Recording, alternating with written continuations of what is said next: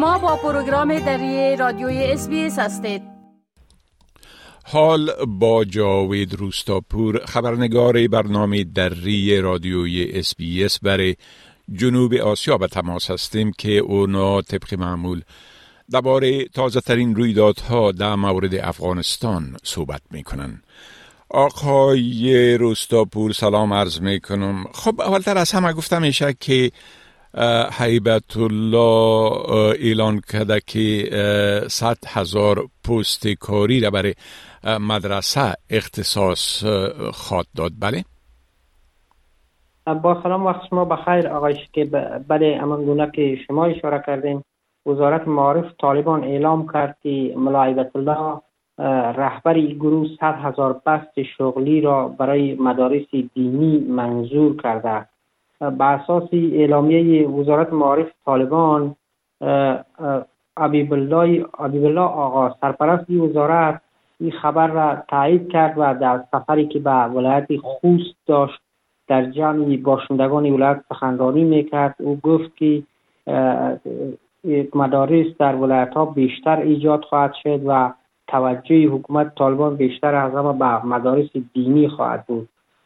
این در حال است که این خبر پس از پس از این سخنرانی سرپرست وزارت معارف طالبان واکنش های بسیار تندی را در شبکه اجتماعی و برخی رسانه ها برانگیخت شماری از منتقدین طالبان که در بیرون از افغانستان زندگی می‌کنن یا در صحبت با رسانه گفتند که طالبان به جای همه چیز حالا مدرسه می‌سازند در حالی که در شرایط کنونی افغانستان با بخش های دیگه بیشتر نیاز دارد با طب نیاز دارد با مهندس یا انجینر نیاز دارد. ولی طالبان همه چیز را همه بودجه را اختصاص دادن به مدارس دینی و این مسئله سبب میشه که در آینده با کمبودی پرسنل و کادر مهیا شد شماری از کاربران شبکه اجتماعی هم تاکید کردند که طرح مدرسه سازی طرح پاکستان است طرح دیوبند است.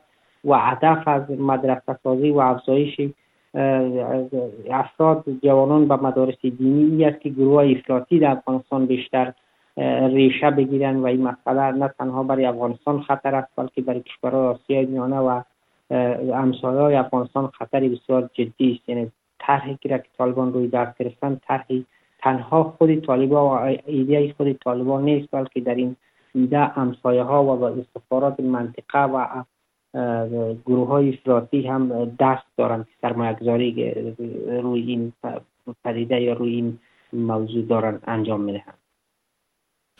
بله. خب همچنان رهبر طالب با گفته میشه که خواهان بستن فیسبوک است. اگر لطفا در ای باره معلومات بتین به اساس اسنادی که برخی رسانه ها به او دسترسی پیدا کردن رهبر طالبا به کابینه گروه دستور داده که طرح بستن فیسبوک را بررسی کنند.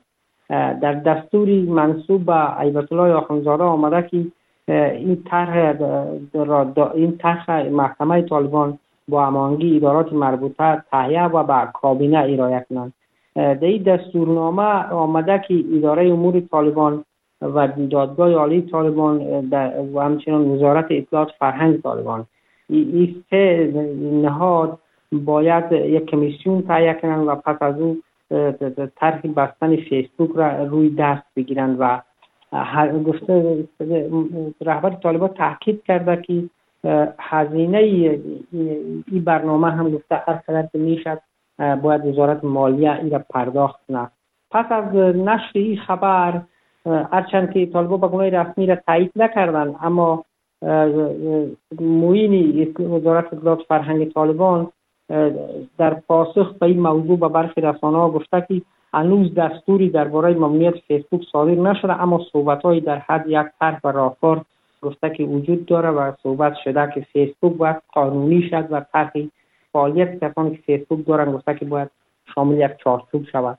این مسئله واکنش بسیار جدی را برانگیخت و شماری از فعالان در شبکه اجتماعی و همچنان خبرنگاران گفتند که طرح باز محدود سازی رسانه هاست و فعالیت فیسبوک به عنوان یک شبکه اجتماعی در همه کشورها مجاز است و طالبان هم گونه که رسانه ها را محدود کردن اگر فیسبوک را ببندن فعلا یگانه دریچه و یگانه تریبونی که هر از گاهی کارنامه ها و برخی از دارای طالبان که در ولایات و مناطق دوردست طالبان انجام میدن بخصوص موضوعات ضد حقوق بشری. از طریق فیسبوک ای باستاب پیدا می‌کنه و با بستن فیسبوک مردم افغانستان عملا زندانی خواهند شد.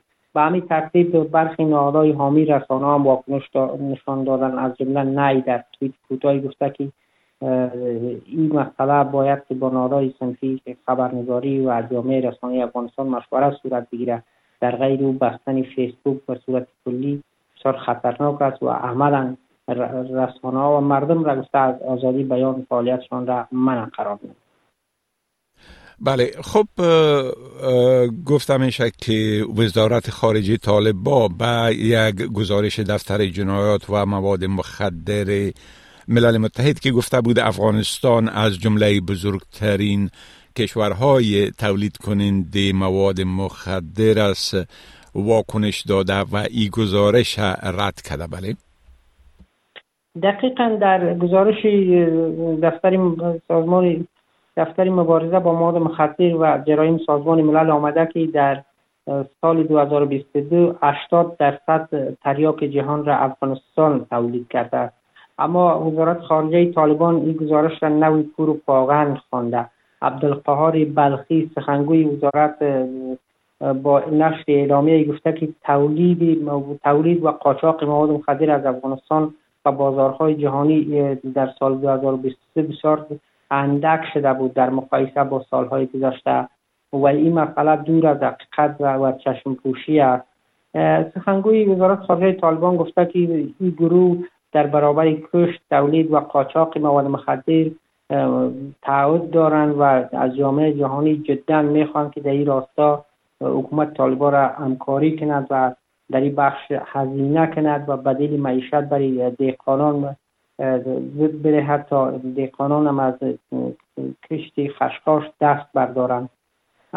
سخنگوی طالبان همچنان سخنگوی وزارت خارجه طالبان همچنان تاکید کرده که تا کنون گزارش هایی که سازمان ملل و نهادهای بین المللی و نشر کردن اکثرا پور پاگند علیه حکومت اسلامی امارت اسلامی طالبان بوده است و این هم به سلسله همون گزارش هاست ولی ما در یک سال گذشته گفته که مواد مخدر در بیشتر ولایات به صفر رساندیم و رشد خشخاش از 80 درصد به 15 تا 10 درصد در مناطق دوردست مانده.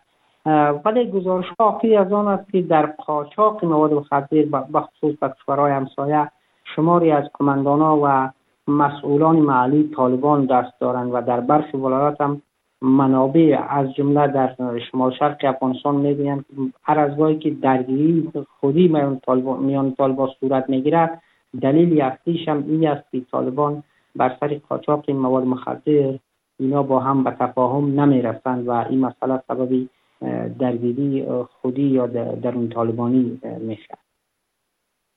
بله. خب بسیار تشکر آقای روستاپور از گزارشتان.